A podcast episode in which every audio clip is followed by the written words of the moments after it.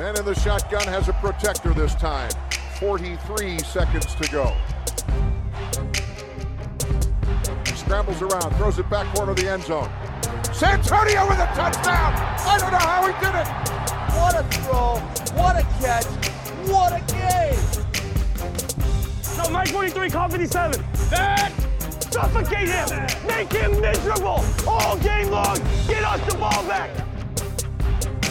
Could love him or hate him, but he was Brad. Hej, du lyssnar på veckans NFL med Mattias, Lasse och Rickard. När vi har kommit in i vecka sex här och vi ska snacka lite roughing the passer som blev en stor snackis den här veckan. Vi har fått vår första coach som har fått kicken och som vanligt så blir det lite matcher och sånt där. Eh, hur är läget med dig Lasse? Bra. Lite matcher och sånt där. Som, vanligt. Gick hårt ut med roughen, roughen the passer och lite matcher och sånt där. Eh, ja, nej, men det, det, det är fint för mig, absolut. Uh, jag, jag har inget mer att tillföra det. Det är fint för mig. Jag är fortfarande klar, kvar i lite matcher och sånt där. Så att, eh, jag är pepp. Ja, det är bra. Det är bra. Jag Ja. lyckas psyka dig fortfarande. Rickard, hur är det med dig? Eh, det är bra med mig. Men eh, Lasse är ju glad för att det går bra för hans lag. Jag kanske inte det. ska vara lika glad då. Just hur det går för mitt lag. han är så jäkla pepp idag. Ja, det jag undrade är det. vad det var. Mm. Så då har han kanske fått i sig någon bourbon eller något här innan inspelning. Men det var Dallas dominanta försvar som eh, gjorde honom. Glad. Mm. Ja, det är kommer vi till. Eh, Jo, då, det är bra. Det är bra. Ja. Inte så mycket lag att glädjas över just nu, men, eh, men det, är- det är bra ändå. Ja, tycker ja, jag. men gott. Eh, och som vi sa där, vi ska ju prata lite grann om. Eh, vi kan ju börja kanske där med de här två nyheterna och sen kommer vi lite in på matcherna. Eh, men det som eh, blev en stor snackis, det var ju dels för eh, var det en tackling på Tom Brady. Eh, en som blev en sack på honom som blev kallad roughing the passer, alltså att det var en, vad ska man säga, en för inte en regelrätt tackling av kuben innanför fickan kan man väl kanske säga att det är en Mm. regeln på något sätt eh, håller koll på. Och sen så var det väl en likadan i Kansas City Chiefs eh, eh, mot Las Vegas Raiders matchen också. Det var det Chris Jones på, Ja, Ray, på. Carr. Jag har inte sett matchen än tyvärr.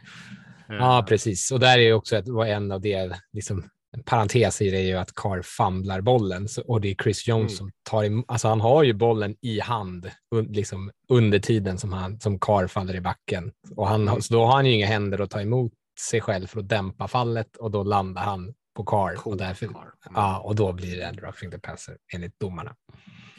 Ja, och man kan väl säga att eh, hela internet var överens om eh, framförallt den här Brady, och men även den på Carr då, att det här ska ju liksom inte vara roughing the passer. Vad ska försvararna göra? Och hela den här trenden med att man har gjort det tuffare och tuffare att spela försvar och mer och mer skydd för de offensiva spelarna. Eh, och domarna backade ju inte riktigt heller på sina beslut sen och då blir det ju ännu mer diskussion att är det verkligen så här det ska vara? För Eh, framförallt den på Brady som jag rullade några gånger så är det ju svårt att se hur på något sätt man kan rättfärdiga en flagga där. Men, eh, men de tycker väl att han slänger i Brady i backen lite extra. Grady Jarrett var det väl som eh, stod för den Mm. eh, säken. Eh, men det blir ju nästan omöjligt att spela försvar om man ska döma regeln på det här sättet. Ja, eh, ganska många eh, profiler, både alltså medieprofiler och spelare gick ut och var ganska eh, aggressiva i sin ton på Twitter och köper det fullt ut att man är det. Och jag- får ju bita med tungan här lite och så jag inte säger saker om domare som, som bara låter jobbigt. Men, men eh, jag är inte förvånad när jag säger så att de här domarna inte går ut liksom och erkänner att de har gjort fel här. Eh, så, så, säger jag inte mer än så. Eh, för det var ju tydligt att det var fel. Det, det, det såg ju alla. Såg ju de själva också. Eh, men hysch hysch Lasse. Det, det, det jag eh, retar mig ännu mer på, man, går igång på sånt här, så alltså hade det varit mitt lag som hade berört så hade jag ju kanske inte kunnat lägga band på mig. Men att det ses, alltså du vet, det är ju ingen flagga direkt. Tom Brady är ju fram och pratar lite med domaren och så kommer flaggan. Eller i alla fall känns det så. Liksom att han tjatar till sig den här flaggan. Eh, oerhört eh, retsamt liksom. Eh, eh, jag vet inte om det var du som la ut någon, någon, någon, tweet där om att eh, han får skylla sig själv om man spelar Kuba och är så gammal. Liksom. Det kan inte vara en åldersgrej liksom, att eh, sänka en gammal gubbe med rollator där bak. Det, det är ett fritt val för Tom Brady. Så, mm, eh, klaga kring det, det kanske inte kommer någonstans med, men hur fasen ska man gå tillväga? För det här, nu var det två väldigt tydliga den här veckan, men det är ju inget nytt det här. Hur, hur, hur, ska, man, hur ska man arbeta bort det här problemet? Jag, tänk, jag, tänkte lägga till det också bara för att jag tittade på eran match. Det är, det är egentligen en jävligt dålig roughing the passer eh, flagga på om det är någon DB som går in och sänker Stafford i en tackling eh, mm. där man tycker ja. att han träffar honom. Och där är den inte matchavgörande som tur är. Eh, annars hade det, hade det varit också en snackis säkert. Ja, jag eh, vill inte ta upp den. Det hade lätt alltså dra in en cowboyflagga. Eh, ja, men den, den har ju liksom bara flugit förbi radarn för att de här ja. andra är så horribla. Ja, Nej, jag vet inte. Alltså, jag lyssnar ju på uh, den här uh, Carl Sheffers heter han som dömde Raiders-matchen uh, och när han liksom ska försöka prata och beskriva vad, hur de tänkte när de dömer så använder han ju liksom ett språk som är deras. Alltså när passaren är i passningsfickan så har han full protection för, tills han kan skydda sig själv och, det, och liksom hela den hela den formuleringen är så otroligt provocerande mm, i ja. att det liksom inte ligger på quarterbackens ansvar att inte bli tacklad. Eh, liksom om, han, om Carr nu håller i bollen så här länge, då är det väl fan hans fel att någon hoppar på honom. Det är hela försvarets syfte. Liksom. Och jag tycker att problem, det som gör mig så irriterad över den här regeln är att man tar bort ansvaret från de som vars fel det är. Eller man tar bort liksom, den, man bestraffar den spelaren som gör det den ska och den som misslyckas med det den ska belönas för att den får en flagga med sig. Liksom, det är Cars fel att han är säkrad. Det är inte Chris Jones fel att han säkrar Car. Och då får man väl fan kasta bort bollen om man är så rädd för att få smällar. Liksom. Mm. Det har ju blivit alltså, den här grejen eh, i på ropet nu. Det här kan man ju också liksom lägga in i den här eh, defensiv, defensiv pass interference. Det här att eh, man, man, slänger en boll på vinst och förlust och bara ser till att det blir en, en liten hopkrokning och så är de heta på flaggorna där. Så det är ju långt ifrån det ensamma, eh, det enda problemet här så, som är godtyckligt. Men det här har blivit så extremt i sista. Ja, Brady har ju varit inne ute tidigare och pratat om lite av de här grejerna och liksom stått lite på försvarets sida. Men ja. eh, det är klart, det, han bangar ju inte att gnälla till sig en flagga i match. Han vill väl vinna Nej. antar jag. Men, eh, men just det här med eh, passningar över mitten och sådär. Eh, att försvarare inte får tackla defenseless receivers och sånt där. Och då har ju han hävdat att liksom det är ju det är upp till honom och hans medspelare att liksom inte sätta sig i de situationerna. Kasta inte bollen när det kommer en safety flygande liksom ner och, och se till att släppa iväg bollen innan du blir tacklad liksom som, som quarterback. Ehm, så jag vet inte vad hans eh, åsikt är egentligen i det här, men han har ju även lyfter liksom att det ligger på kuben. Det är Kubans ansvar att skydda både sig och sina medspelare och försvararens uppgift är ju liksom att tackla ner dem. Sen klart, man vill inte ha de här kanske att någon ja, dyker in och tacklar någon i huvudet i onödan eller liksom dyker ner och försöker bryta benen av dem. Men, men en helt vanlig sån här säk att man blir kastad lite grann i marken och kanske till och med lite onödigt hårt. Det får man ju verkligen leva med. Ja, jag tycker det. Eh, och, och jag tycker liksom det, det, är inte en, en, eh, heller en unik QB-grej det här. Det sker ju sådana här fula grejer runt hela plan. Så att jag tycker det är också lite låst vid, alltså det är mer än en QB som kan vara då försvarslös emellanåt. Så, eh, för det har varit inne, det första som kom upp här och som kommit upp innan är att man ska kunna gå in och granska de här och sen komma fram till ett annat beslut. Men det blir tufft om domarna inte tycker de har gjort fel heller. Jag vet inte vad, vad, vad du känner kring det, Erika?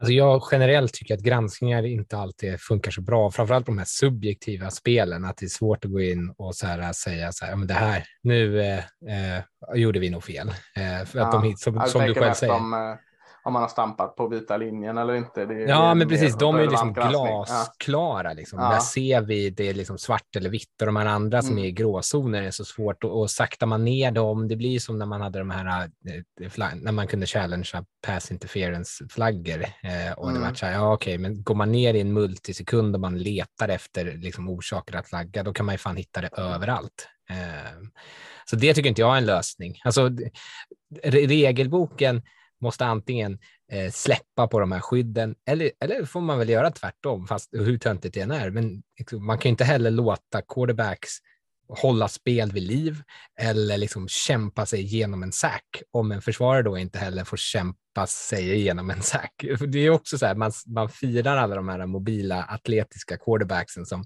kan, hur kom han ut ur fickan där? Och liksom samtidigt vet man att alla försvarare hela tiden tänker att jag får inte tackla honom för hårt. och det blir, så här, det blir kontraproduktivt. Och jag, jag har lyft det här förut, när liksom, jag kommer inte ihåg vem det var nu bara för det, Eh, oh, var det Tampa Bays eh, defensiva koordinator Bowles som pratade om att de inte ens tränar sina förs försvarare att tackla quarterbacken längre för att de vet att det bara riskerar att få en flagga. De går bara på bollen, även i sack-situationer. Och det är också så här, men det är helt, de har ju förstört fotbollen. Mm. Ja, för då är nästa steg att göra det till någon form av flaggfotbollsgrej. Ja, att man liksom att de får två små jävla band, kubisarna, så får man dra av ett sånt och så är de nere liksom. Och det, det låter ju helt hemskt. Eh, sen förstår jag syftet med hela regeln. Det finns ju en god tanke med det. Den är ju inte där bara för att reta upp oss. Liksom spelarens, häl spelarens hälsa, hjärnskakningar och allt sånt. Det har ju skett ganska mycket sådana saker. Så att, eh, syftet bakom att regeln finns är ju fortfarande god. Jag tänker att stryker under det bara så det inte låter som att vi bara vill se eh, the good old days när liksom folk eh, fick köras ut på skottkärra. Liksom. Det, det, är inte dit vi vill. Men, men eh, Ta bort hjälmarna. Ja, men precis. Eh, men jag tänk, tänkte jag är inte heller helt liksom, fullt på det här med att eh, granska det, att det är svårt att ta en granskning. Men i college då, som, som jag följer och, och älskar att följa, så, så, finns det ju den här regeln som heter targeting. När en spelare leder eller tacklar med kronan av hjälmen, alltså liksom eh, stångas liksom in vårdslöst. Eh, det gäller inte bara mot QB, det gäller i alla spel. Eh, och den är granskningsbar och eh, konsekvenserna att bli eh, att om du åker dit på den är att du blir utslängd från matchen. Du, du får inte vara med och så blir du avstängd en halvlek nästa match. Oerhört stora konsekvenser. Men då är den granskningsbar och är det så stora konsekvenser så kan, kanske det liksom blir mer skärpning på regeln att man, man jag vet inte om man ska ta bort rough the passer helt och bara ersätta den med targeting över hela brädan. Eh, för, för då kanske det blir, när konsekvenserna är så stora så kanske domarna eh, liksom ser allvarligt i att vi kan liksom inte bara vifta bort den. Ja, ja, men ni kan köra nästa spel igen. Nej, det kan de inte för att då, då är ni även ute. Eh, kanske det är lösningen. Jag vet inte. Det, det, då kommer fortfarande in en granskning. Det kommer vara så här störande att man står, stannar och står och kollar på en kamera. Men, men då är det allvar i den granskningen. Då, då, är det inte, då kan du inte bara liksom vifta bort den. Då, då är det en spelare som får kliva ut här och, kom, och då kommer det bli så stora ringar på vattnet så att det måste skärpas till det här. För just nu känns det som att nej, men vi gjorde inget fel. Eh, nu kan vi prata nästa match. Eh, jag vet inte. Jag vet inte om det är rätt lösning, men, men det är ett sätt jag tänker på i alla fall just den här delen med att man inte får ramla med kroppsvikten på de där grejerna, de är ju rätt nya på mm. eh, roughing the passer-regeln, så att eh, det kan ju också vara så att man kanske ska backa några steg. Man kanske har gått lite för långt också. Eh, annars håller jag med om att här, man ska ju kunna kanske utmana saker som blir helt spelavgörande. Men jag är ju också lite så där skeptisk till sådana här reviews i onödan. Det kan ju lätt bli väldigt mycket och det blir väldigt petigt. Så sitter man och tittar i liksom ultra slowmo istället för liksom njuta av en bra match. Um, så det kan vara lite klurigt det där. Och särskilt hade, det du, kanske inte... hade du njutit av en bra match om du eh, var Atlanta Falcons där i slutet? Eh, Nej, det hade jag inte gjort. Nej, så det är också, man, man får väga lite. De kan suga musten ur den bästa av matcher, de här zebrorna. Frågan om man inte då ska, ska man inte skicka av den spelaren några spel medan man kollar på en review om den spelaren ska bli avstängd behöver ju inte bli en 15 yards penalty. Den spelaren kan ju bara också bli utvisad ja, är ur matchen. Liksom. Absolut, liksom. Utan absolut. att man behöver påverka själva matchutgången. Då hinner man kolla ja, på det. Det kan vara ett personligt straff. Det behöver inte vara någon jävla flagga som flyttar fram. Utan precis, ja, det kan vara så kan det vara jättebra alternativ tycker jag. Mm. Men att det blir en sack då ändå menar ni alltså? Nej, det får väl det avgöra. Statistiken är ju ändå till för efter matchen då. Så då kanske man, han får sitta ett par spel så sitter någon och granskar det och sen, ja men du kan rulla in igen, den är godkänd. Eh, eller, eh, och du får din säker. Eller så, nej. Du, det, ja, men jag menar, Jag menar spelet på- på, planen. spelet Det är inte att det spelas om eller det är inte att det blir, utan det är bara så här, ja men boll, spelet är död. Han kanske gjorde någonting Ja, fuskigt nej, jag här. tänker det. Jag tänker Ja. det. Straffet blir ju hårt liksom. Ja, du blir avstängd resten av matchen och eh, i eh, första halvlek av nästa match. Det är Ja. ganska tungt straff. Ja, och spelet måste ju stå liksom, för annars blir det ju helt Mm. knäppt. För annars måste man ju stanna Mm. spelet då. Eh, ja, Ja, Kan det, vi fundera ja, på. Det, är, det är ju svårt liksom, eh, Mm. såklart. Men, men, men eh, någonting måste ju för fasiken göras. Det, det, det är ju oerhört resant. Eller så eldar vi bara upp varandra för att det skedde två stycken sådana här i samma vecka. men Mm. det händer ju då och då. Men ofta är det ju eh, efter kuben nästan har släppt bollen har vi ju sett rätt många. Ja. Att det blir någon så här sen tackling och så tycker man inte att det var så farligt och så blir det ändå liksom. Men mm. Ja, ja, ja, ja, ja. Eh, någon som inte kommer få några fler roughing the passer, riktigt dålig övergång här, på eh, är i alla fall Matt Rule i Panthers som har fått kicken redan efter bara eh, fem matcher. Och eh, han hade ju ett sånt där sjuårskontrakt värt en jäkla massa pengar. Och Mm. nu hann han ju knappt två och en halv säsong, inte ens det, innan han eh, åkte. Och det har ju inte sett bra ut, men jag måste ändå säga att jag är lite förvånad att det gick så fort. Man hade ju på känn att han skulle ryka, men eh, jag hade trott nästan att de skulle ge honom några matcher till. Men de, jag såg lite på presskonferensen där med Tepper heter han va? Eh, ägaren. Och han var, verkade inte supernöjd och glad. Nej, det så har ju inte sett bra ut på två år. Liksom, så att, Nej. Eh, egentligen inte konstigt. Eh, jag vet inte om det skedde nu efter fem veckor eller efter åtta veckor. Det fanns ju inte direkt några tendenser till att det här skulle liksom vända vilken dag som helst. Nej, Och han har ju ändå haft möjligheten.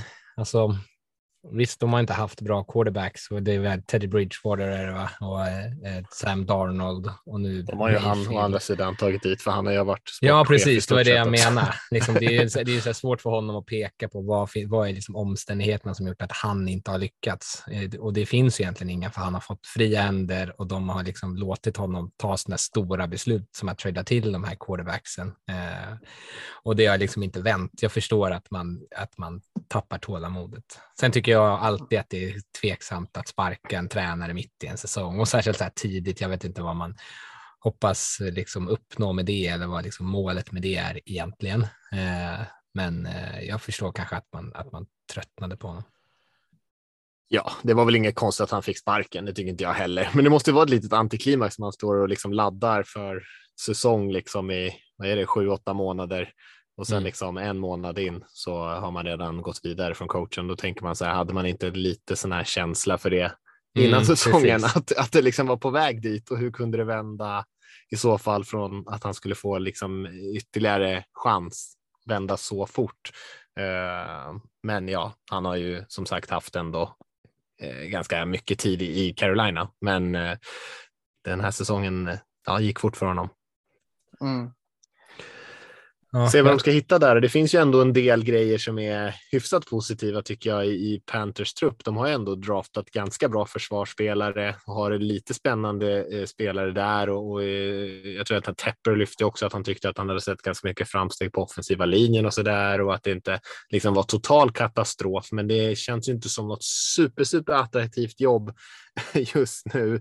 Ehm, men kanske inte en total katastrof heller. Jag vet inte riktigt vad ni känner kring jobbet. De har inte så mycket draftval i eh, nästkommande draft heller, så att i snacket gick ju direkt där att eh, kanske träda bort en del eh, spelare för att liksom stacka upp i draften och bygga om här igen. Finns ju en hel del intressanta namn trots allt. Jag vet inte om någon är jättesugen på att ta över Christian McCaffreys monsterkontrakt, men jag tänkte DJ Moore i offensiven där är väl ganska intressant att se om man liksom eh, skeppar av han nu till någon, någon eh, i försvaret finns ju massa. Jag tänker jag vet inte, kan, kan man eh, kan han få mycket från för Edgen Brian Burns, där Jack Thompson och, och eh, jag vet inte om något ska gå skilda vägar med JC Horn, men det är ju så unga spelare. Så här, men, men det är spännande att se också här nu kring trade deadline vad liksom Carolina eh, tar sig an och de här lagen som kanske satsar för att gå för detta nu. Om de tjungar iväg lite draftkapital för att eh, ge Carolina möjlighet att bygga om lite. Frågan är vad Ja. de har för något som är av värde egentligen. Alltså Christian McCaffrey är deras bästa Det är ju typ spelare. McCaffrey. Men eh, han Ja, är ju också så kontrakt- dyr kontrakt så Ja. det är ingen som kommer Ja, skilja sig DJ. Moore, wide receiver, är väl väldigt Mm. spännande. Mm. Ja, men Eh, inte, för, inte får de ett högt draftval för honom. Nej, nej, nej, men så var Brian Burns, Derek Brown. Eh, Men de vill man ju inte byta bort JC. Horn. Alltså. Nej, men det beror på vad, vad, vad man vill bygga om liksom. Jag, jag, Fan, vad är Horn? Han kan inte ha varit många säsonger in här. Nej, han, det är, det Andra han är ju nu, grym. andra, ja. borta ja, hela förra året. Så nej. Ja. vill man ju kanske inte göra sig av med. Nej, alltså det skulle ju vara bästa är ju egentligen veteraner, men de har ju inte så många bra veteraner, utan Nej. det är ju tyvärr deras unga spelare som är kanske deras bästa spelare, förutom McCaffrey. Då. Men han, som Ja. sagt, kontraktet han sitter på. Det är väl om något ja, lag säger, har. Då säger jag DJ. Moore då. Där har vi en. Eh, Mm, eh, kanske man kan få som- en i andra för eller någonting. Ja, absolut. Behöver man. Eh, Ja, eh, vad, eh, mm, vad, vad går de defensivt igen? Jag är jätteorolig att de ska ta Dan Quinn. Ska de inte? Ja, kan ta Kellen Moore. Ja, Ja. vem vet var de går? Men jag tänker de har ju inte så mycket. De har ingen QB direkt, så att det är ju inte jätteattraktivt jobb för någon som kommer från den sidan av bollen just nu i alla fall. Nej, det beror Nej, lite på vad de hamnar i för draftposition. Eh, Ja. Eventuellt. De har ju sitt första rundeval kvar åtminstone. Så det, eh, är de Mm. högt upp där så kan de ju ta något. Men eh, Mm. nej, jag, eh, fan det är ju ja, det är också så här. Det är, det, tio stycken nya head coaches inför den här säsongen, så det kändes ju redan där när liksom de sista anställdes inför år att det var lite skralt. Så det är inte så, här så att det finns en uppsjö av heta koordinatorer som bara står på kö för att ta bra jobb. Eh, eller dåliga jobb till och med. Eh, så jag vet inte riktigt, det finns inte så här, ja, jag tror Dan Quinn tyvärr, Lasse är ett av de hetare namnen. Eh, vad heter Dem- Demico Ryan där i eh, 49ers är väl också. Eh, Ja, just det. De De har ju Steve ben, Wilks nu. Som Ja, är de har ju Ben McAdoo som OC. Kan inte han gå upp och ta det? Han gjorde det så bra. i- Kan man få så här svägiga bilder på han i sin jättekostym också. Ja, sant. Han går ju igenom många förvandlingar i och för sig. Vem vet vilken look han kommer med nästa gång. Men Wilks är ju eh, tillfällig coach i alla fall. Han Ja. har ju eh, varit huvudtränare innan. Eh, Mm. Ja. Vem vet, det kanske är han som får ett år till eller något för att det är lite svårt att hitta någon just nu. Men ja, det är, det är ju vi en bit därifrån. Om vi, vad tror Ja. ni om vi ska titta på vilka andra coacher som, för jag tror vi pratade om Matt Rule förra veckan och sa att han är, sitter nog lite grann på heta stolen, men att eh, det kanske dröjer lite. Så jag tror att ändå vi nämnde honom, men vad finns det för andra coacher som skulle eventuellt kunna sitta lite skrynkligt till? Ja, alltså, Ron Rivera? Det finns ju- Ja, Ron, ja, Ja, Ron absolut. Rivera, Det, han borde vara nästa gå, solklart. Eh, men vem kommer in och får ordning på det jäkla fuskbygget eh, å andra sidan? Eh, Rivera känns också som att han typ kommer få, han kommer få någon så här äh, konsultroll i organisation, alltså någon så här advisor-roll och avgå lite snyggt så där. De kommer inte bara sparka honom. Det, nej. Nej, sen är det svårt att se. Eh, Campbell? Eh, nej, tror du det? nej, nej, kanske inte, men de, tors, de torskar mycket. Ja, Kingsbury. ja, verkligen. Ja, Kingsbury ligger nog risigt till, ja. Ja, Ja. han är rätt i. Eh, har inte, det är ju lite samma där som, som Matt Rule kom från college, fått väldigt mycket eget ansvar och har ju absolut inte levt upp till det. Så det skulle kanske kunna vara något. Ja, Nathaniel Hackett i Broncos ska jag tänka mig att han eventuellt blir av med jobbet om det fortsätter se ut som det gjorde i torsdags. Det var ju bedrövligt. Igen var det bedrövligt, i alla fall Ja. från anfallet. Ja, men Ja. precis. Ja, de, de har ju en del primetime. Jag tror att de har ett par primetime-matcher kvar dessutom. Det blir ju bara ännu värre om han måste skämma ut sig liksom när hela världen tittar. Eh, då tror jag inte att de har lika mycket tålamod med honom. Nej, jag kollar så här på eh, hur många poäng alla lag har gjort. Så Broncos är ju näst sämst än så länge i NFL vad jag kan se. Ja, Colts har gjort eh, sex poäng färre, men så att det går ju riktigt, riktigt hackigt för dem. Vad säger du om Colts då? Eh, eh, han har fått så Reich, jäkla... Ja, han, han har fått så mycket cred innan, men eh, alltså i den divisionen inte få ut mer av det. Och få ordning på laget, bygga laget rätt. Alltså, ja, jag vet inte om det är han eller om det är eh, general manager där, men, men kan man börja prata att han kanske sitter på heta stolen också. Han hade varit där ett tag. Ja, det är inte helt orimligt tror jag. Och, eller framförallt så som du säger, tar de in en ny general manager så känns det som att då kanske han vill plocka in sin egen huvudtränare. Det är inte helt Mm. ovanligt att man gör. Man liksom slår om helt och hållet. Eh, jag vet inte vem det är Jag som tror- har varit Jag tror de ansvarig. sitter ganska safe där. Inte det, vad hette han? Eh, gamla Chiefs som är sportchef. Jo, det är det ju förresten. Ja, Han har ju varit lite hyllad innan. ja Eh, precis. De har ju draftat ganska bra ändå. Alltså, ehm, ja. Nej, Jag tror att de sitter ganska safe i Colts där. Men ja, Mm. det, man, man har blivit förvånad för Chris Ballard, ja, just det. Chris Ballard. Just det. Ja, det har du väl kanske en poäng i. Men det, jag vet inte hur många gånger man får lite tillåts svinga och missa på QBS. Det är väl det som är frågan. Nej. Inte om de har haft så mycket bra alternativ heller i och för sig, för de har varit lite för bra för att drafta högt. Liksom. Men eh, ja, det ser väl inte jättelyckat ut med Matt Ryan än så länge. Om eh, det, det känns ju så farfetched att han någonsin kommer få, få sparken, men säg att Steelers här nu skulle gå ett, gå, stanna vid en vinst i år. Oj, Vad- vad sitter Det kommer de aldrig göra. Nej, men, nej, men säg att, att han vinner tre då. Alltså, men Ja, ändå okej. tre vinster. Sitter han säkert då? ja. Tror du, tror du det Mattias? Jag vet inte. Jag, Alltså om de vinner ett till tre vi- vinster, nej, då kan han Ja. få kicken. Men det tror jag inte på. Men eh, eh, annars tror jag han sitter hyfsat safe om de bara vinner liksom en, en ganska respektabel eh, antal vinster. Men jag tror när de får. Watt tillbaka och Pickett börjar bli lite varma i kläderna så tror jag att de ändå Ja, kommer okej. ja. reda ja, Jag upp tror det de kommer ha en riktigt sunkig situation eller eh, säsong, men, men eh, jag kan heller inte se liksom att eh, Tomlin får kicka. Nej, han har väl inga losing seasons än så länge sedan han tog över. nej, så det är här skulle ju kunna bli första. Ja. Mm. Taskigt om han får kicken då direkt. Han går eh, Helt oresonligt. 8-9 och så får han sparken. Ja, Oacceptabelt här i Pittsburgh säger de bara. ja, Get out, get out the door.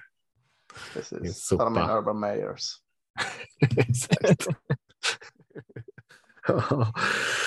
Ja, ska vi eh, ta och titta lite grann på det? Det känns som att vi gick igenom de, de, eh, de, var, de mest misstänkta att åka dit efter, efter Rule här nu. Eh, ska vi titta lite grann på, och för Panthers kan man väl inte säga så mycket positivt om lagets chanser i år. Om det såg illa ut innan så ser det ju inte bättre ut nu. De har ju stora, stora problem där. Titta lite grann på veckan som var och jag tänker vi behöver ju inte gå in på alla matcher. Vi har pratat ganska mycket om matcherna de senaste veckorna, men jag tänker att det räcker om vi lyfter ah, någon match eller så där var som vi tycker var intressant om man vill säga några ord om. Ja, någon eller några. Eller för jag, jag tänkte, jag vill, jag vill in och pilla på två. Eh, Mm. London-matchen här tycker jag vi måste stanna vid. Mm. Mm. Eh, det, det var ju bara, det, vi, jag, jag En till bra match. Sa, ja, jag tog tonen och sa nu får vi en sån här London-match där det blir eh, 33-3 liksom till Mm. Panthers. Och, eh, svinbra match var det. Alltså eh, rolig, rolig så in helsike spännande. Eh, och Giants är ju i, alltså i Branda Bowl och eh, Kafka och de har ju fått ordning på det här jäkla laget snabbt. De är inte så jäkla dåliga än. Så jag, jag tycker jag hintat om det säsongen som har varit. Att, att det, här, det här är ett spännande bygge. Jag trodde inte det skulle komma så här snabbt. Men, och det är fortfarande mycket säsong kvar. Men eh, visst fasiken såg inte de ut som att be om ursäkt lag i den här matchen. Alltså Daniel Jones såg bra ut. Eh, Zach Barkley på väg tillbaka. Eh, man har typ inga receivers ändå, så, så eh, lyckas de ändå bomba ut, eh, eller Daniel Jones få ut. Darius Slayton gör en kanonmatch och eh, ja, alltså offensiven, eh, försvaret gör väl sitt visserligen, men, offensiven eh, oerhört bra. Och, visst, man kan säga att Green Bay Packers hade en, eh, kanske sin sämsta försvarsinsats på en och en halv säsong här, för det, det försvaret såg väldigt, väldigt virrigt ut. Men, men eh, jag väljer ändå på något sätt att se att eh, den här offensiva sidan av New York Giants är spännande. Ja, det tycker jag är helt rätt sätt att se på det. Eh, Mm. Alltså så här, jag trodde ju också, det måste jag ju, det, jag sa, jag skrev det på Twitter att jag måste svälja mitt piller här, att jag sa att Giants skulle bli utklassade och skrattade när någon sa att de kommer sakna sina receivers, att det, att det inte alls spelar någon roll. Eh, och, alltså, de Det gjorde lyckas- inte det. Spelar ingen roll. Precis, det, var, det var det jag menade. De kommer vinna enkelt. Nej, men eh, att, eh, att, att de liksom får Green Bay Packers försvar att se så här dåligt ut är ju också eh, någonting som Giants ska få beröm för. Och sen så tycker jag Mm. framför, det som också imponerar väldigt mycket är att de ligger under med, med 3-17 i slutet av eh, vad är det, för, första halvlek och ändå så här vänder och har två stycken riktigt fina serier där de eh, får touchdown i, i slutet av matchen. Och, och min bild av hur Giants har varit de senaste åren så är det så här, ju mer press har fått på sig, desto sämre svarar de. Eh, och det är Mm. det som känns så imponerande, att de lyckas flytta bollen i de här måste-situationerna och att anfallet verkligen gör det på ett bra sätt. Det var ju fina uppskissade spel, många så här, dels var det sådana den spel där de var så helt soprena och, och bara, ah, det var, gick precis som vi hade tänkt oss.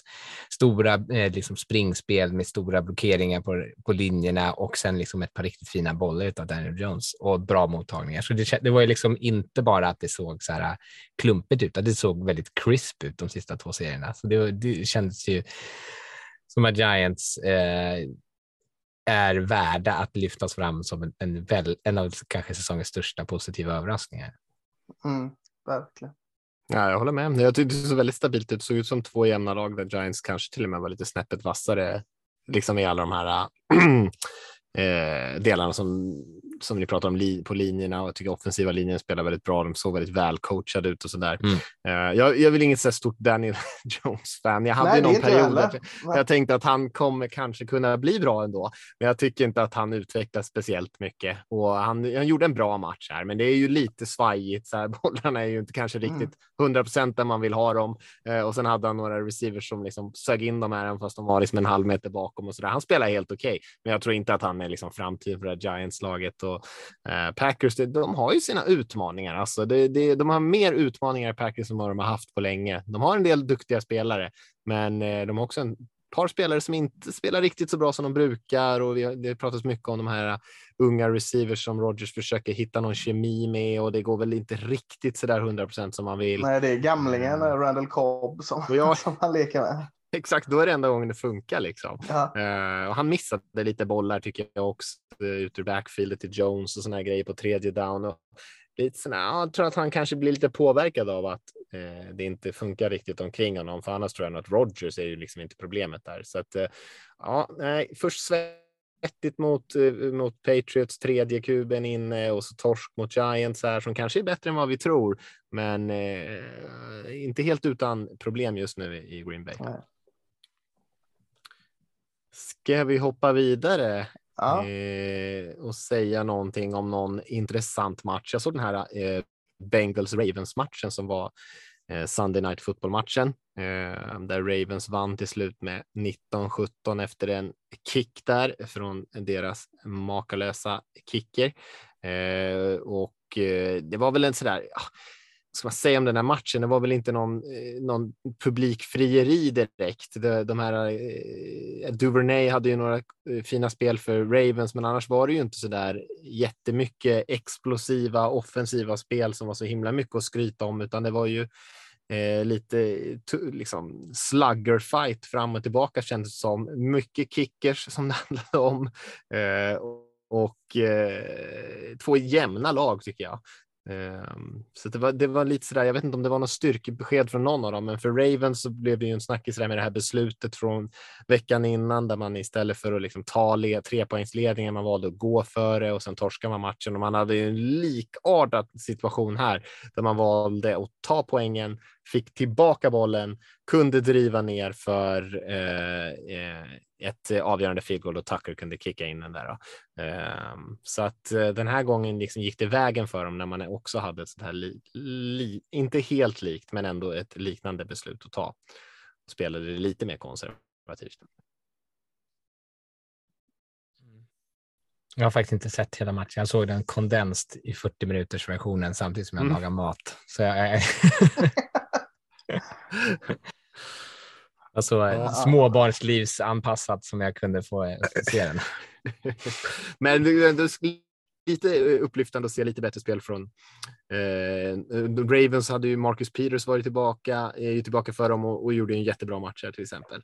Eh, så att eh, lit, en liten bit i taget. Jag tror ju lite mer på det här Ravens-laget än vad jag tror på Bengals-laget som har lite större problem med linjen och allt det där.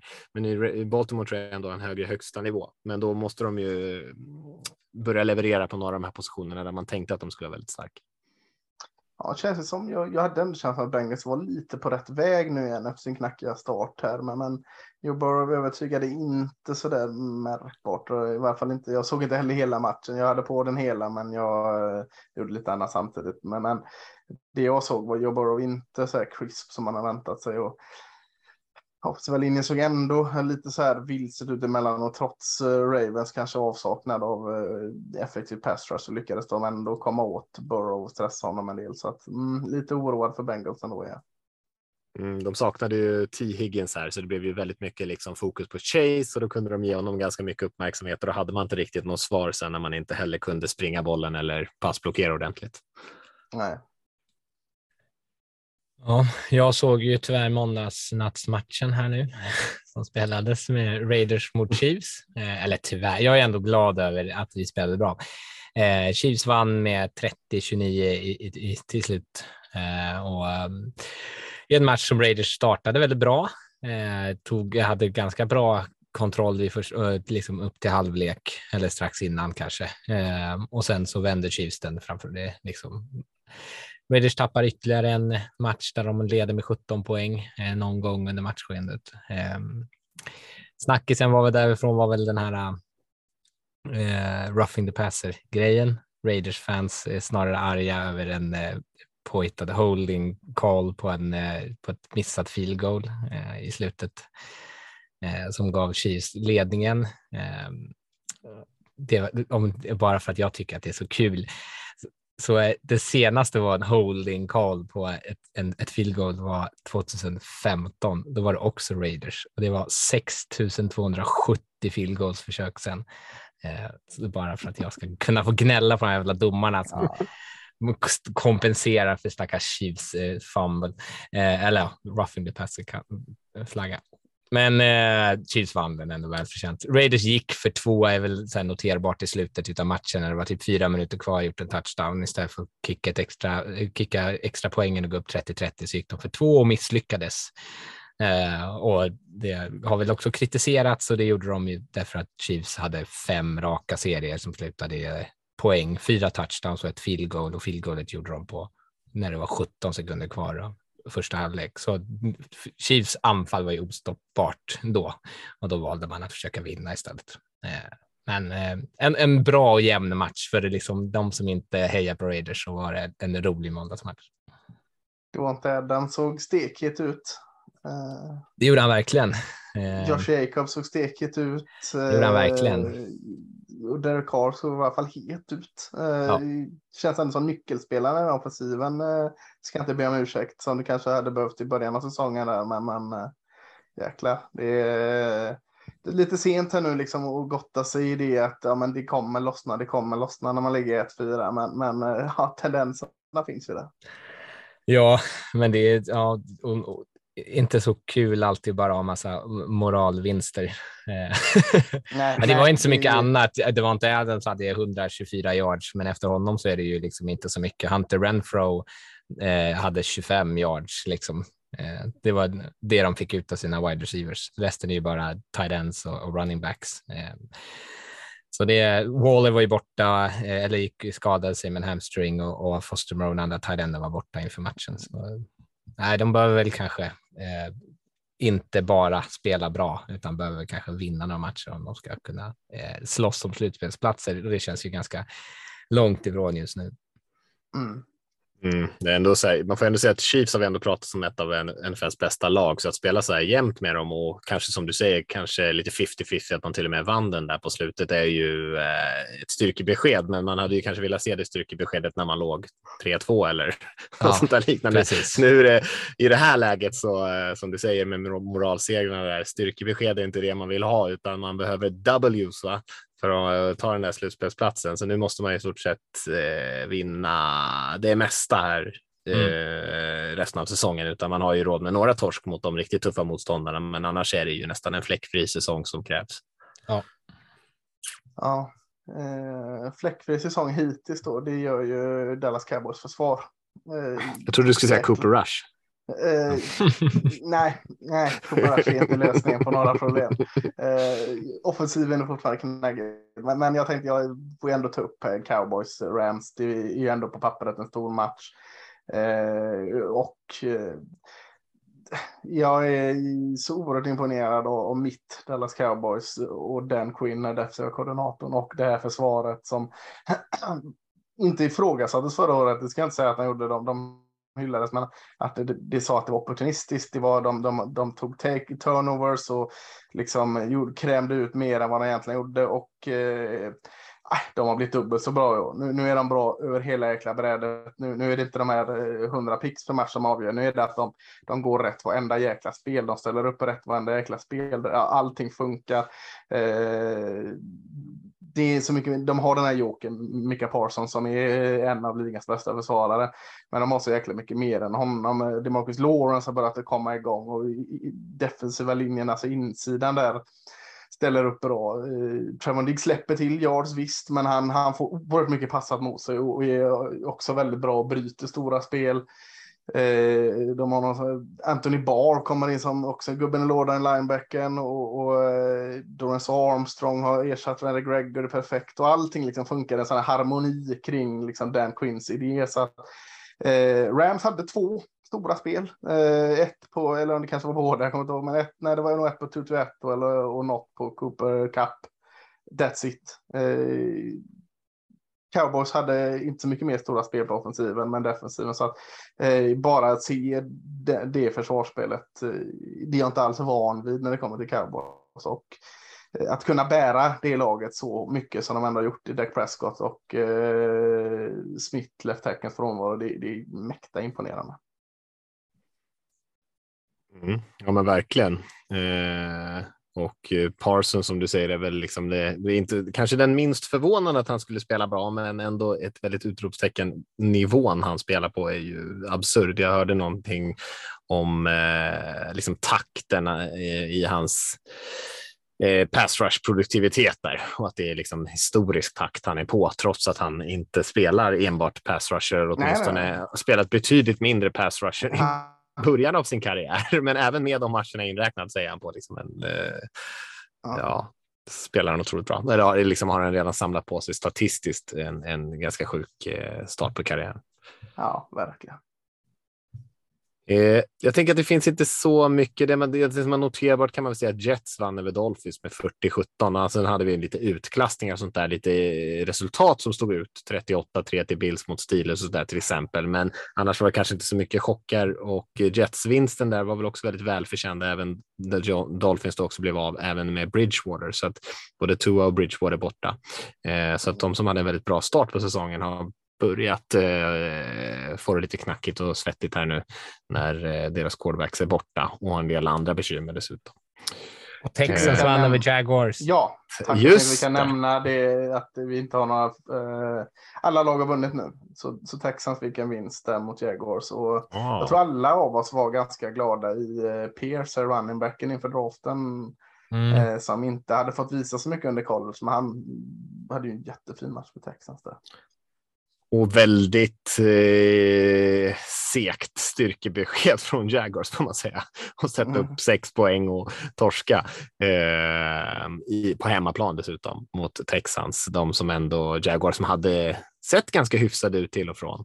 Och liksom man tänker kanske de kan utmana eh, Titans och Colts som inte ser ut som liksom supertopplag i den divisionen. Men ja, då kan man inte hålla på och leverera på det där sättet. Nej. Ska vi titta på eh, vecka sex, vad som finns där?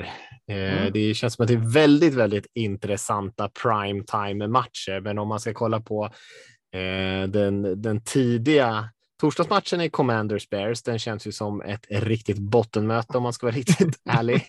Eh, och sen har vi ingen London-match den här veckan. Nu är det en dryg månad tror jag, eller sånt där tills det är Tysklands match. Så att nu börjar matchen när vi är 19 igen eh, och på första brädet där, den som jag tycker ser mest intressant ut är väl egentligen Vikings mot Dolphins och det beror ju kanske lite på QB-situationen. Man kan ju hoppas att Tua Tungavailoa är tillbaka till den här matchen om man nu är återställd och är redo att spela.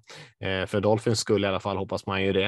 Eh, men eh, annars är den ju inte alls lika intressant och Vikings är ju 4-1 och cruisar på lite grann under radarn medan Packers har det lite svettigt och, och Lions och Bears är ju i stort sett eh, inte någon motstånd överhuvudtaget i divisionen. Så för Vikings, de eh, har fått en väldigt fin start, även fast det inte är så många som pratar om dem och, och lyckas man dessutom få antingen få en vinst där mot Dolphins med eh, sin startande QB eller att man till och med får en liten, eh, en liten gratis chans här att man kanske startar sin andra eller till och med tredje QB i Dolphins och Vikings kan eh, cruisa till 5-1 så, så ligger de ju riktigt eh, bra till. Och det är ju, Vikings har ju fått tillbaka lite spelare på sin försvarssida, men det är ju mycket fortfarande kring eh, Justin Jefferson och passningsspelet som, som det kretsar.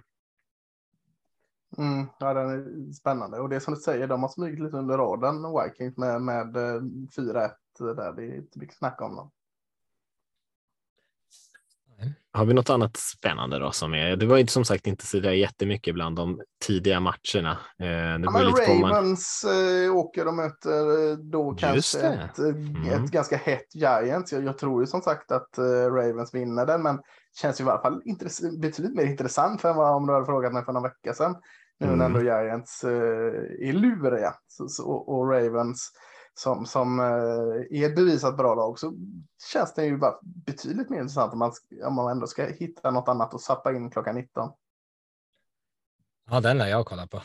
Dels mm. för att mest det för att se hur, hur liksom kan Giants spela bra flera veckor i rad. Eh, mm. Och tycker jag känns spännande mot ett och om det här försvaret kan stoppa ett, ett vad jag tycker är ett riktigt bra anfall. Eh, Baltimore har ju ändå potentialen att kunna eh, bli, eller att vara ett av eh, de bästa anfallen i NFL. Sen har det sett lite upp och ner ut med det ibland, men eh, mm. det är ett riktigt test för Giants. Det är väl också gamla eh, Ravens DC mm. som är DC i, eh, i Giants. Ja, precis. Så att det finns finns en del drama där med vad heter han, Don Martindale, defensiva koordinatorn i Giants mm. som har förflutet mm. i Baltimore Ravens. Så att, ja, det finns gottigheter i den matchen. Fan vad han kommer blitza. Helt ja. Han kommer skicka alla. Det är ingen, ja, ingen kvar i coverage.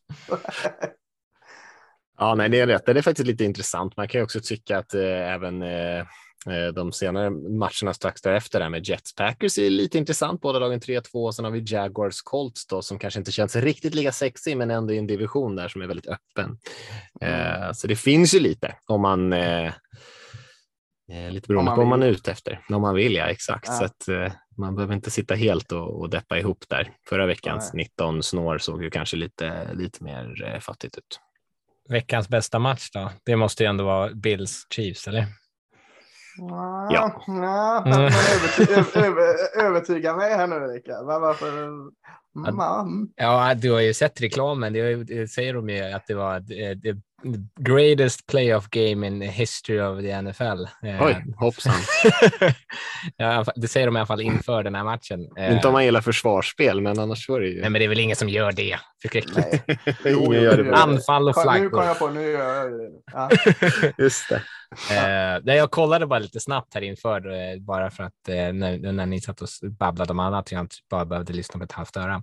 Eh, men att Bills pass rush är ett, en av de bättre pass rusherna i ligan, när, i alla fall till att generera eh, pressures, eller eh, med sin front fyra bara. De blitzar typ minst i ligan och ändå lyckas generera jättemycket press.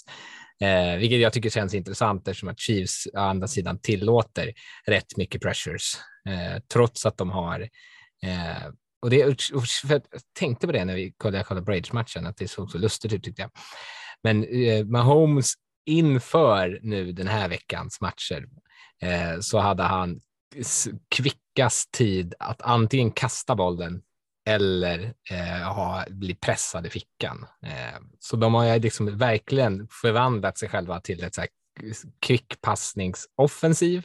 Eh, Eh, och det, ibland har de de här stora spelen, men då är han ju många gånger också stressad för att de har lite hål, eller deras framförallt right tackle har ganska mycket problem.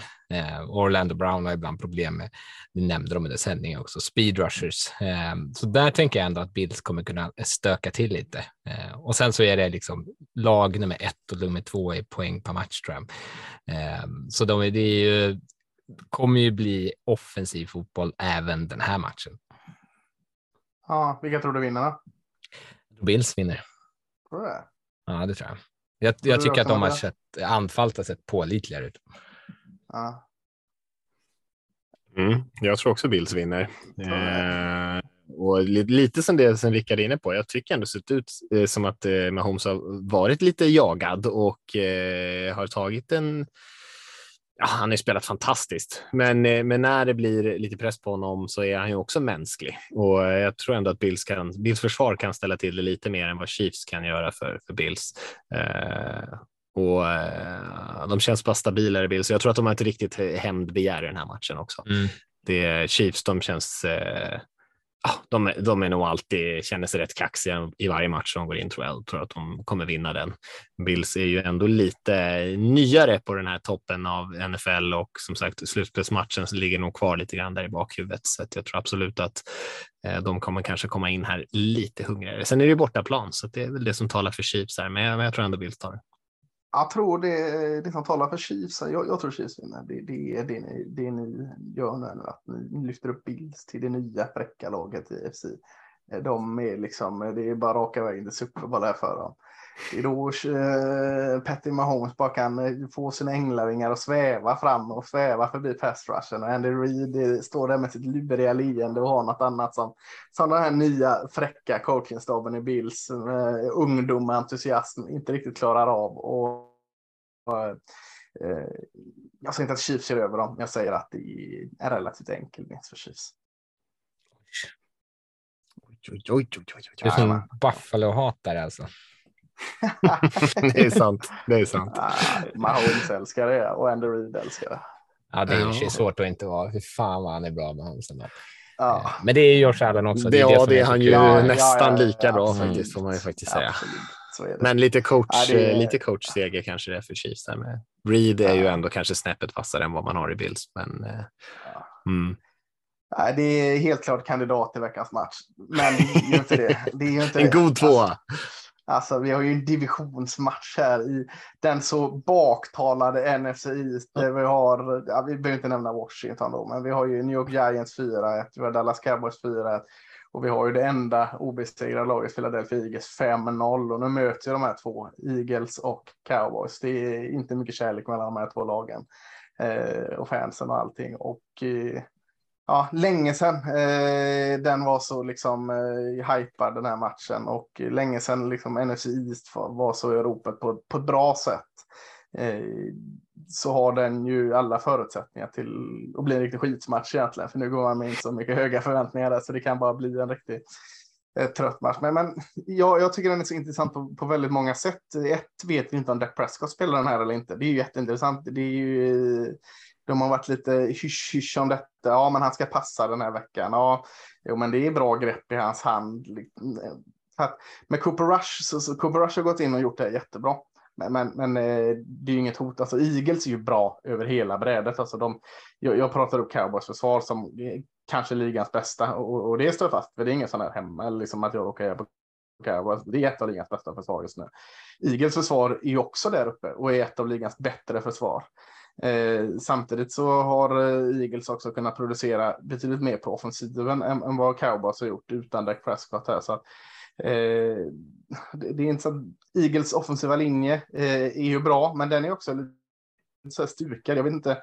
Jag tyckte det försvann offensiva linjespelare ut och in den här line-upen i stort sett hela eh, förra matchen mot Cardinals. Där, vad heter han? Isak eh, skadad. Eh, nej, förlåt, Jordan Mailata var det. Left hacken, Lando Dickerson och, och Jason Kelsey. Alla de tre var lite haltade av varandra och jag vet inte om Len Johnson också fick sig en kyss. Så den är lite skadeskjuten eh, och med tanke på eh, hur bra Dallas Cowboys har kommit åt andra lags QB, hur bra de, liksom, de sätter press på offensiva linjen så kommer det bli en oerhört intressant fight. Eh, och sen så tänker jag på, på eh, Jalen Hurts som liksom överraskat alla eller i alla fall eh, spelat bättre än vad många har trott. Eh, såg inte riktigt lika vass ut i, i själva passspelet. Han kändes inte lika trygg ut. Han, han låg kvar i den Rickard som du hade en gång i tiden när du satte draftbetyg för honom. Att han låste sig lite på ett read och inte kunde läsa av plan och tog lite upp bollen och sprang lite tidigare än man kanske skulle gjort ibland. Nu sprang han in två touchar och gjorde det jättebra, så det, det är också spännande att se hur Cowboys då liksom ska eh, hur de ska, liksom, ska gameplana här. Ska de, ska de satsa på att försöka hålla Jalen Hurts i boxen och satsa mot spring och, och så försöka få Jalen Hurts att tvinga honom till att passa bollen. Eh, för jag tror det här avgörs det. Alltså, eh, just nu är Eagles offensiv bättre än Dallas offensiv, så jag tror det hela avgörs med Cowboys försvar som just nu är stekhett mot eh, Eagles offensiv som kanske har en lite haltande offensiv linje och en Jalen Hurts som klarar man hålla han i fickan och tvinga honom till att passa så kan det bli match av det. Ja, det gäller ju bara att stoppa dem i andra kvarten. Eh, mm. Philadelphia, det visade de i någon eh, statistik. På. Har de gjort alla poäng där? Eller? De har gjort, om man tittar så här per kvart per match så har de i första kvarten gjort 2,8 poäng, i tredje kvarten gjort 2,4, i fjärde kvarten gjort 3,4 och i andra kvarten så har de gjort 18,4. Oj, så det är helt absurd. Eh, det är liksom, jag, jag, jag har försökt att bara förstå hur det kan, vad det kan bero på. Eh, men stoppar man dem i andra kvarten så vinner ni matchen utan problem. Alltså, Uppenbarligen. Ja. Mm. Nej, de har inte släppt in mer än en eh, touchdown i någon match hittills heller. Det ska jag lägga till. Liksom, liksom bara stryka under det försvaret är så att eh, ja, då får de göra det i sådana fall. Ja, det är det som blir intressant tycker jag. Det, det, det, jag håller med om den offensiva linjen i Philadelphia Eagles, att det blir ett problem om den är skadad, för då kommer ni, då kommer, jag tror att ert försvar kommer eh, kunna stänga till det här anfallet. Eh, men är den hel, då har de ändå mm. varit tillräckligt på Alltså jag tänker mig ändå att det finns mycket anfall och explosivitet framför allt. Eh, eh, att de kommer kunna flytta bollen någorlunda och jag tror tvärtom att ni kommer ha ganska svårt att flytta bollen offensivt eh, mot Eagles försvar. Eh, det finns ju en viss eh, risk, eller det finns en chans att det här blir motsatsen mot Bill Chiefs, att det blir väldigt låga poäng. Mm. Men det, det måste ju vara det... bra för Dallas. Jo, det är det. Låga absolut. poäng. Ja. Så drar den iväg i poäng, då, då börjar man ju luta mot att Eagles ska ta den där. Annars, annars blir man ju väldigt förvånad om Cowboys bara helt plötsligt slänger upp 35 poäng här liksom. Utan, ja, I det gör tillbaka inte. kan han göra det. I däck tillbaka ja. kan han göra det. Ja, och då eh, kanske. Så det, Förändras ju lite. det är de här två stora frågorna som också är det intressant. Det, det kanske, när ni lyssnar kanske ni vet mer eller framåt fredag, lördag vet man mer, men just nu vet vi inte om Dak spelar och, och vi vet inte fysiska statusen på eh, Eagles offensiva linje. Så de här två jäkla frågetecknen, de kommer vi ta med oss in, antagligen i söndag. Mm. Den enda som kom tillbaka, Kelsey kom väl tillbaka i matchen senast mm, vill precis. jag säga. Så att han borde ändå, det talar ju lite för att han kommer En öl på sidlinjen och så bara mm. in och körde liksom. krossade, mot, krossade mot pannan och så. Ja, nu kör vi gubbar. Exakt. Jag tror inte ens han missade någon snap. Alltså, han kommer liksom ut och så var det någon paus tror jag, och sen kom ja. han in igen. Så, att han, eh, så han missade inte så mycket tid. Men eh, Lane och eh, Johnson och eh, Mailata blir viktiga såklart, särskilt på kanterna ja. där. Uh, nej, det finns mycket frågetecken som du säger och det gör det väl lite extra intressant att man får hålla koll på den där. Uh, blir det, blir det uh, lite mer flyt på offensiven, lite mer poäng, då, då talar det väldigt mycket för Eagles. Men är mm. Prescott tillbaka, ja, då är det en helt annan match egentligen får man ändå säga. Då har de ju ett betydligt högre tak offensivt. Jag tror att den blir jämn. Jag tror att Cowboys absolut kan störa Eagles anfall och störa Hurts och eh, sakta ner dem lite grann och jag tror att det blir jag tror att det blir en sån där poäng, alltså en match där vi, vinnaren är inte så långt ifrån 20 poäng. Men jag tror ändå att Eagles tar det där i slutändan med det vi vet nu. Med Prescott med, då är det lite annan fråga, men eh, jag lutar ändå åt Eagles. Men kanske, ja, skulle kanske fundera ett varv till om, om vi vet att Prescott ska starta vid 100 procent.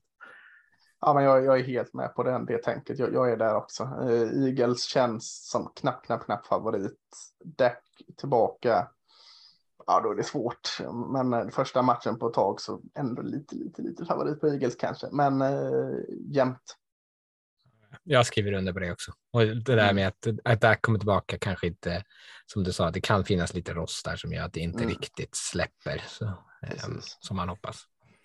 I Philly. Men man får ju verkligen hoppas att Mm. eh, cowboys eh, spöar på Eagles lite grann och får ner eh, kuben i marken lite grann så att lite press och publiken blir lite förbannad så det blir lite känsla i den här matchen. Det vill man ju se, Mm. lite stämning på Absolut. läktaren. Eh, och sen hur den liksom slutar, ja, det, det får Lasse eh, oroa sig över tänker jag. Utan man mest, vill mest ha en bra match, alltså, känner man. Ja, För det är ju en bra match. Det, det, Ja, det är ju länge sedan vi hade så här äh, och så tydliga identiteter också på cowboys med sitt försvar. Ja, nej, det känns, Ja. känns roligt, den här rivaliteten i år. Ja. Eh, med det, vi kanske ska runda av eh, så vi inte fastnar i alla matcher här. Det finns som sagt en hel del att kolla på. Ni får väl kika in schemat om det är någonting som ni tycker att eh, ser spännande ut som vi har missat. Den enda primetime-matchen där var Broncos mot Chargers där och den känns väl inte superkul på det sättet som Broncos spelar just nu. Riktig sirapstakt i anfallet. Kan ju nämna också att det är första veckan med bye week. Eh, Så undrar ni varför att Rickard inte tar upp eh, Las Vegas Raiders. Är det för att de är på bye? Eller för att de är 1-4. Kanske ska sluta prata om dem. Nej, love it. Vad är det mer för lag som är på Bayra? Är det bara dem? Eh, ja, det, det är bara dem. Det, det, var, de får det är Lions, Texans, Raiders och Titans. Okej, okay, okay.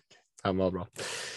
Eh, ja, men vi, eh, vi säger så för den här veckan. Om, eh, vi kanske kör lite frågeavsnitt nästa vecka. Och så att, Ja, det var eh, vill ni redan skicka in frågor nu så går det ju bra via sociala medier eller till podcast.nflsupporter.se. Men annars kommer vi säkert skicka ut någonstans eh, och be om lite frågor. Så då kan man ju svara på det. Men har ni något som ni tänker på så skicka in det redan nu. Vet du, vet du, jag ska inte låta det avsluta riktigt än. Vet, vet du vad mer man kan skicka in frågor? Man kan göra det på Slack. Och hur, hur kommer man med i vår Slack-grupp Mattias? Kan du inte berätta det? Just det, då går man in på patreon.com nfl-supporter och så kikar man där om man eh, hittar någon eh, nivå. Det finns lite alla möjliga nivåer man kan lägga sig på för att stötta oss på NFL-supporter och eh, dessutom få lite grejer för det. Då. Lite, vi släpper lite exklusiva poddar ibland och man kan komma och hänga med oss i den här chattgruppen på Slack och det är inte några jättestora pengar. Men för oss hjälper det såklart jättemycket att kunna eh, köpa in någon mick då och då eller hitta på något annat skoj. Eh, så vill man göra det så är det såklart supervälkommet och ganska kul att komma och hänga där också. Det brukar vara mycket snack, eh, särskilt på matchdagarna. Men även nu har det varit stor debatt har jag sett om rough in the passer flaggor och andra såna här grejer. Ja, Så att det är alltid något som diskuteras. Eh, nu Lasse säger ja, jag du- hej då. hej då. Vi syns om en vecka. Eller hörs om en vecka. Så ha det bra. Bra. lite. Ha det bra.